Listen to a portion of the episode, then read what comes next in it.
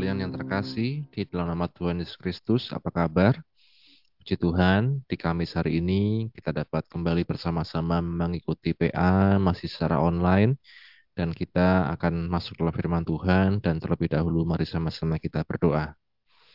Bapak kami bersyukur untuk kesempatan yang kau beri pada kami. Di hari ini kami akan belajar dari firman-Mu Bukalah hati kami, pikiran kami, untuk kami dapat mengerti, memahami, dan mampukan kami untuk menjadi pelaku-pelaku firman-Mu. Kami bersyukur ya Bapa, dan hanya di dalam nama Tuhan Yesus Kristus kami berdoa. Haleluya. Amin.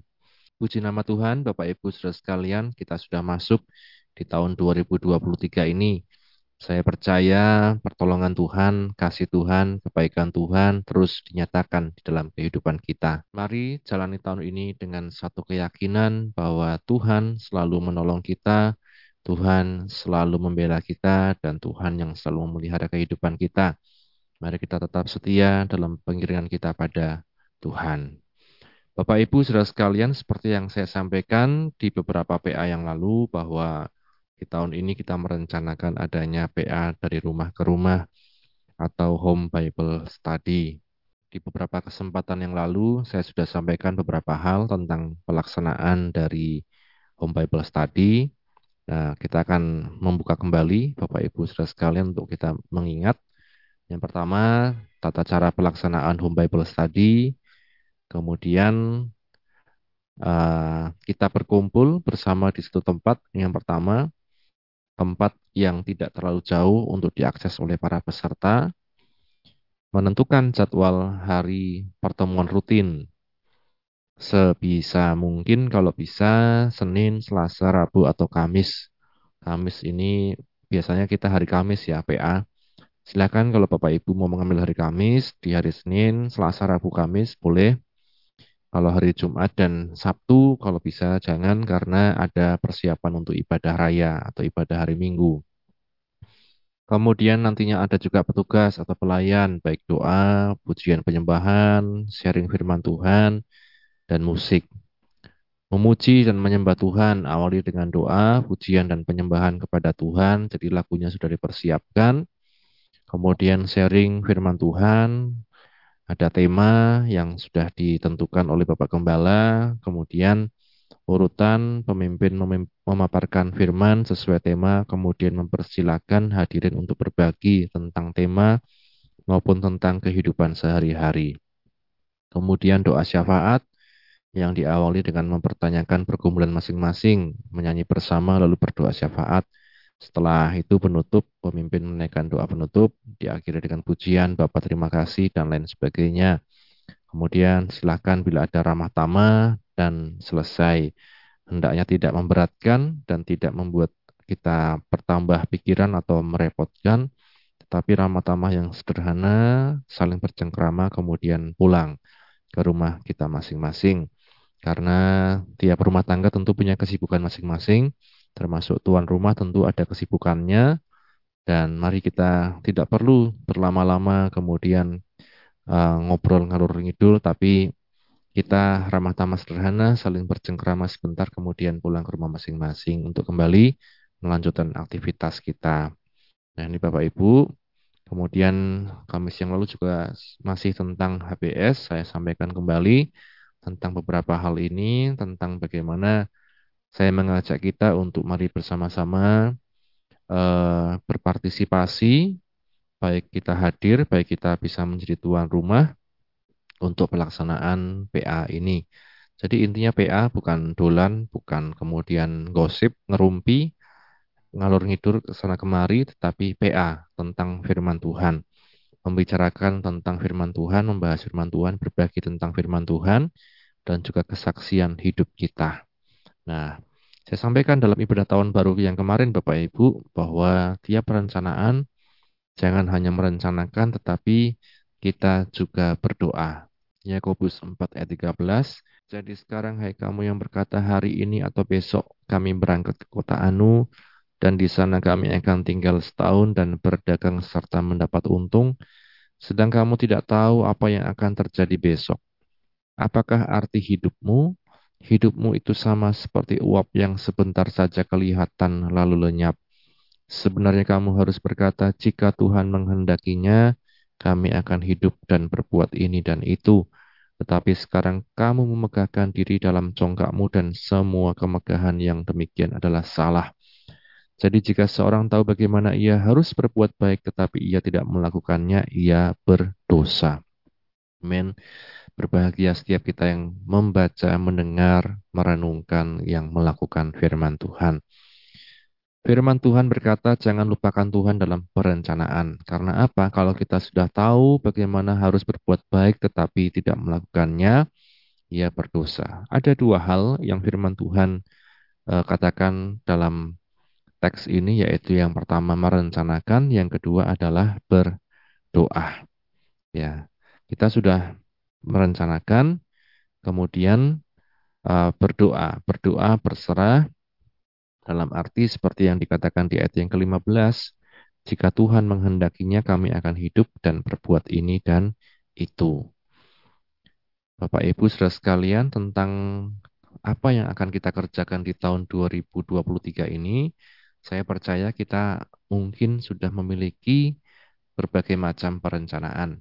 Termasuk dalam PA ini, saya pun uh, rindu untuk kita bersama-sama PA secara tatap muka di rumah, dari rumah ke rumah. Jadi bukan hanya secara online, tetapi dari rumah ke rumah. Bukan juga seperti dulu hanya di gereja, bisa sesekali di gereja, tetapi saya rindu juga untuk firman itu datang ke rumah. Firman itu menyapa di rumah kita masing-masing, sehingga kita dapat bertemu dalam satu kasih Tuhan, bukan hanya firman itu datang ke rumah, menyapa kita, tetapi juga kita bisa bertemu dengan saudara-saudara seiman kita. Di perencanaan kali ini, Bapak Ibu, saya membagikan tentang rencana, tema, dan jadwal PA atau Home Bible Study GPGH Wonosobo. Jadi ini masih berupa jadwal besar atau garis besar rencana pelaksanaan. Seperti yang Bapak Ibu lihat di uh, layar masing-masing. Tema dan jadwal PA atau Home Bible Study HBS GPGH Wonosobo. Temanya adalah menghidupi firman, menghidupi kasih. Jadi ini tema kita di tahun 2023 secara khusus dalam bidang PA. Ya, secara khusus di PA Tema kita adalah menghidupi firman dan menghidupi kasih yang terambil dari 1 Yohanes pasal 1. Jadi di 1 Yohanes itu ada berapa pasal kalau kita lihat ada lima pasal. Nah ini Bapak Ibu. Dalam lima pasal ini akan kita pergumulkan dalam satu tahun. Maka nantinya menghidupi firman dan menghidupi kasih ini akan terus menjadi tema yang kita pergumulkan selama satu tahun. Outputnya atau hasilnya tentu agar kita lebih mengerti tentang firman Tuhan secara khususnya di 1 Yohanes 1. Yang kedua, agar kita dapat menjadi orang yang lebih lagi mengerti tentang kasih Tuhan dalam hidup kita. Jika kita percaya Tuhan Yesus Kristus sebagai juru selamat kita, Ketika kita menghidupi firman, kita membaca firman Tuhan, saya percaya kita akan menjadi pribadi-pribadi yang saling mengasihi dalam segala hal. Maka inilah yang menjadi pergumulan kita di tahun ini, yaitu untuk kita menghidupi firman dan menghidupi kasih. Materinya adalah 1 Yohanes pasal 1. Secara umum kita lihat Bapak Ibu, ini yang menjadi jadwal kasar, belum detail, di bulan Januari kita sudah masuk di Kamis pertama atau PA pertama ada sosialisasi jadwal dan tema seperti yang sedang kita lakukan sekarang yaitu sosialisasi jadwal dan tema. Jadi Bapak Ibu bisa lihat temanya adalah menghidupi firman dan menghidupi kasih 1 Yohanes pasal 1. Kemudian di minggu kedua Januari atau Kamis kedua ada penjelasan tema jadi temanya ini tema besarnya kemudian nanti akan dijabarkan, dijelentrehkan ya bahasa Jawanya. Mengapa mengambil tema ini, kemudian apa saja yang uh, akan kita bahas. Nantinya dengan pertolongan Tuhan ya nanti akan mulai diisi di sini di Februari, Maret, April tentang detailnya tema yang akan kita bahas dalam PA kita. Kemudian di minggu ketiga Januari oleh pertolongan Tuhan juga kalau Tuhan kehendaki ya kita akan sudah mulai ada pembagian kelompok baik per wilayah atau per jenjang usia. Ya, mungkin remaja ada PA sendiri, kemudian wilayah mungkin ada PA sendiri. Jadi yang wilayahnya Wonosobo mungkin ada beberapa kelompok, karena kalau satu kelompok mungkin terlalu banyak, terlalu penuh di rumah. Jadi mungkin akan dibagi per wilayah yang berdekatan, Bapak Ibu Saudara sekalian. Kemudian mungkin ada di luar uh, kota Wonosobo, misalnya di Kertek, misalnya di daerah mana lagi, sampai Tunggoro, misalnya di daerah uh, Rawapeni ke atas, sampai Andong Sili dan lain-lain, nanti bisa saling berbagi.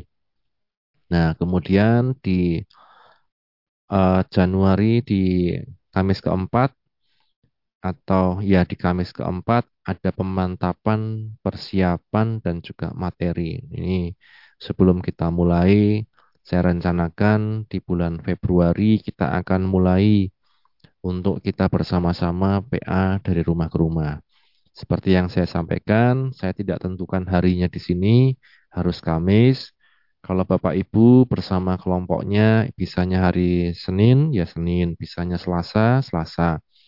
Bisanya Rabu ya Rabu, bisanya Kamis ya Kamis.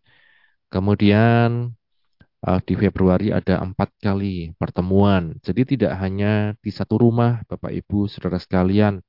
Misalnya di kelompok A, uh, yang pertama di rumah uh, Bapak siapa, yang kedua di rumah Ibu siapa, yang ketiga di rumah siapa lagi, yang keempat di rumah siapa lagi. Jadi berganti-gantian.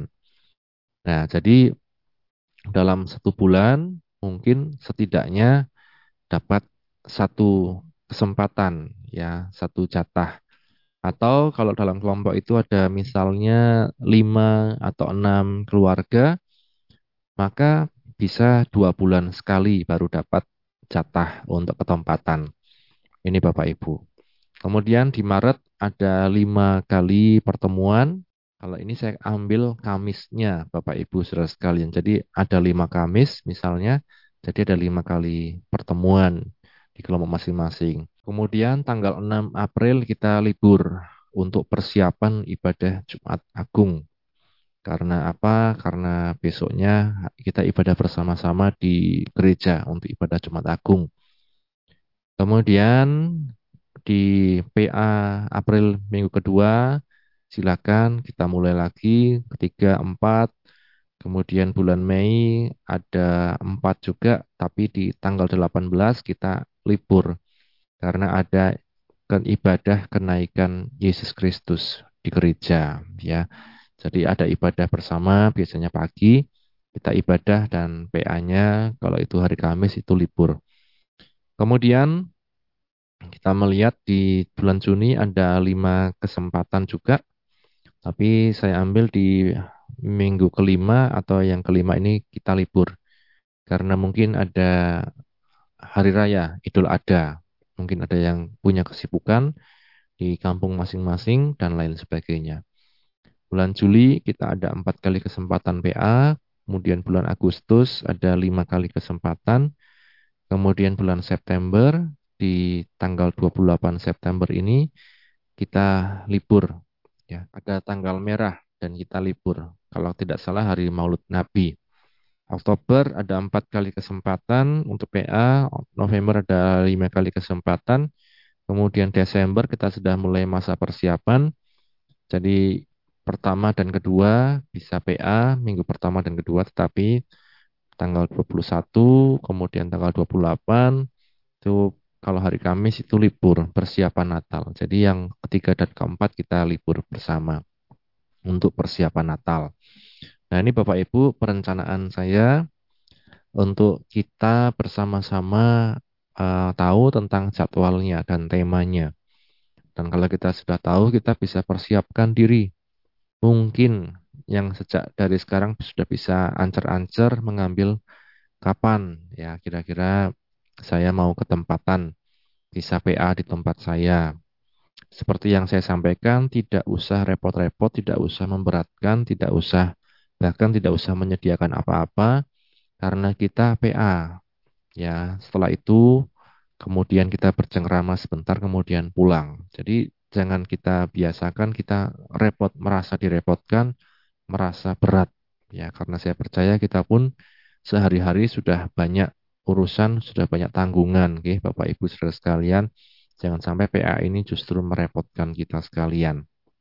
Nah, ini yang menjadi perencanaan dan sebagai awalan Bapak Ibu Saudara sekalian, kalau kita buka di dalam 1 Yohanes pasal 1, kita melihat bersama-sama di 1 Yohanes pasal 1, ini sebagai awalan perkenalan secara umum.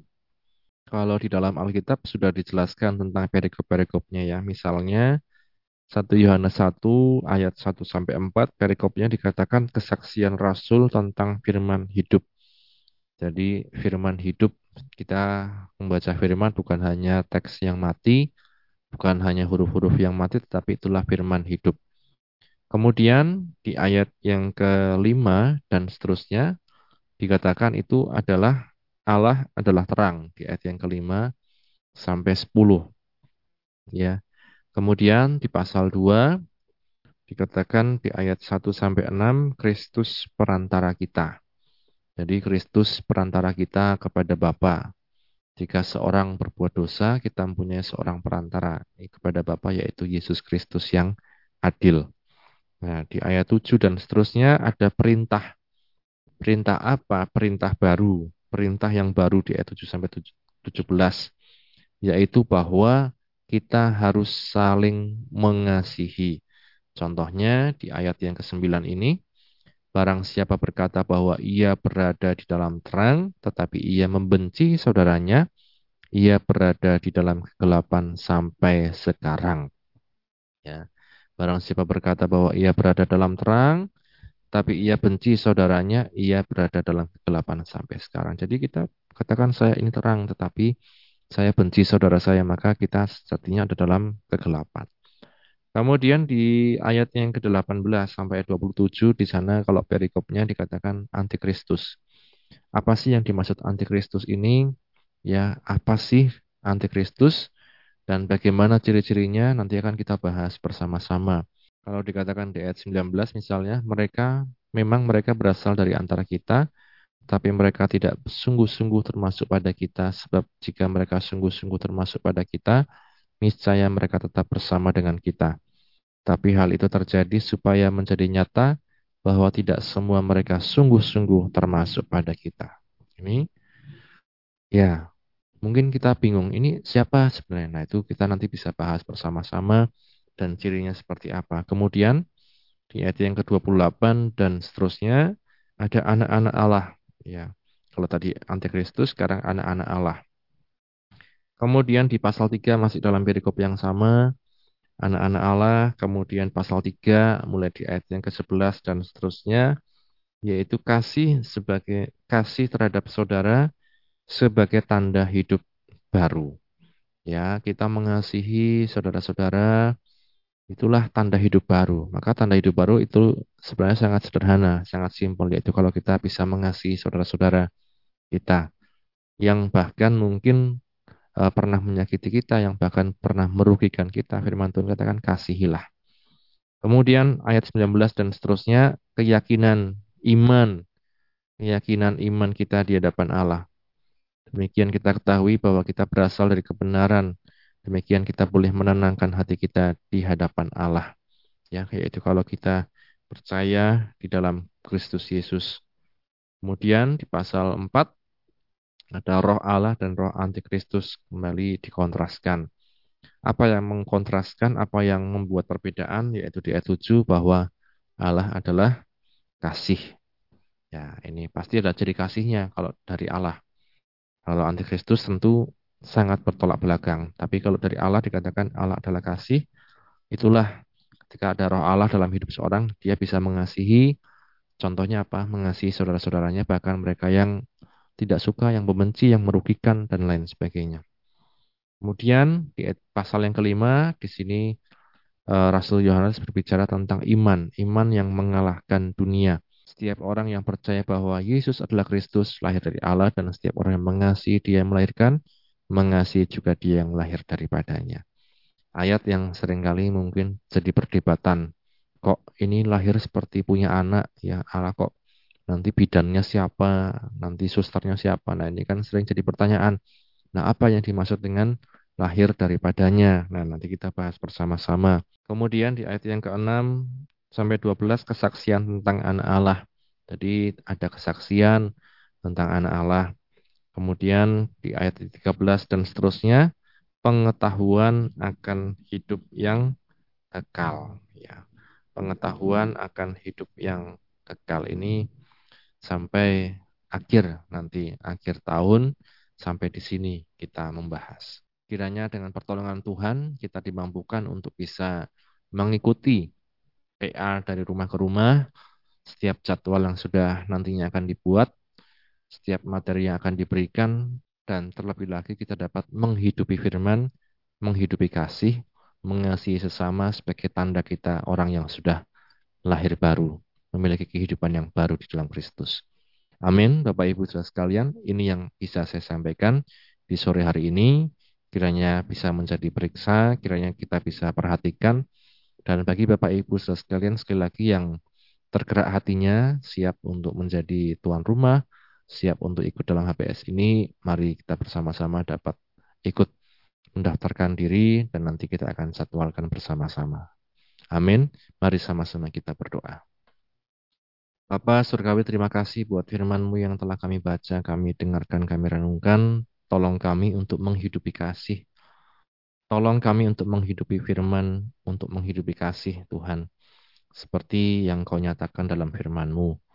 Tolong kami dalam perencanaan kami untuk melaksanakan HBS, Home Bible Study, PA dari rumah ke rumah, Sepanjang tahun ini kami serahkan dalam tanganmu setiap perencanaan kami. Kiranya engkau yang menggerakkan kami, engkau yang menolong kami, dan engkau yang memampukan kami untuk terus setia dalam pengiringan kami akan engkau. Berkatilah anak-anakmu yang sudah mendengar firmanmu di mana pun berada. Dalam setiap kehidupan mereka, pergumulan mereka, engkau yang menolong. Bahkan kami berdoa untuk Oma Tuhan, ibu dari Ibu Bambang, engkau yang kiranya memberikan kesembuhan dan pemulihan Ibu Bambang dan keluarga juga engkau yang berikan kesabaran Tuhan dalam menunggu Oma. Kami bersyukur, ini doa kami Tuhan. Setiap jemaatmu dalam pergumulan masing-masing, engkau yang menolong, yang sakit disembuhkan, yang lemah dikuatkan, yang susah dihiburkan, yang dalam pergumulan apa pun kau berikan jalan keluar. Kami bersyukur, hanya di dalam nama Tuhan Yesus yang berdoa. Haleluya. Amin. Puji nama Tuhan, Tuhan Yesus memberkati. Amin.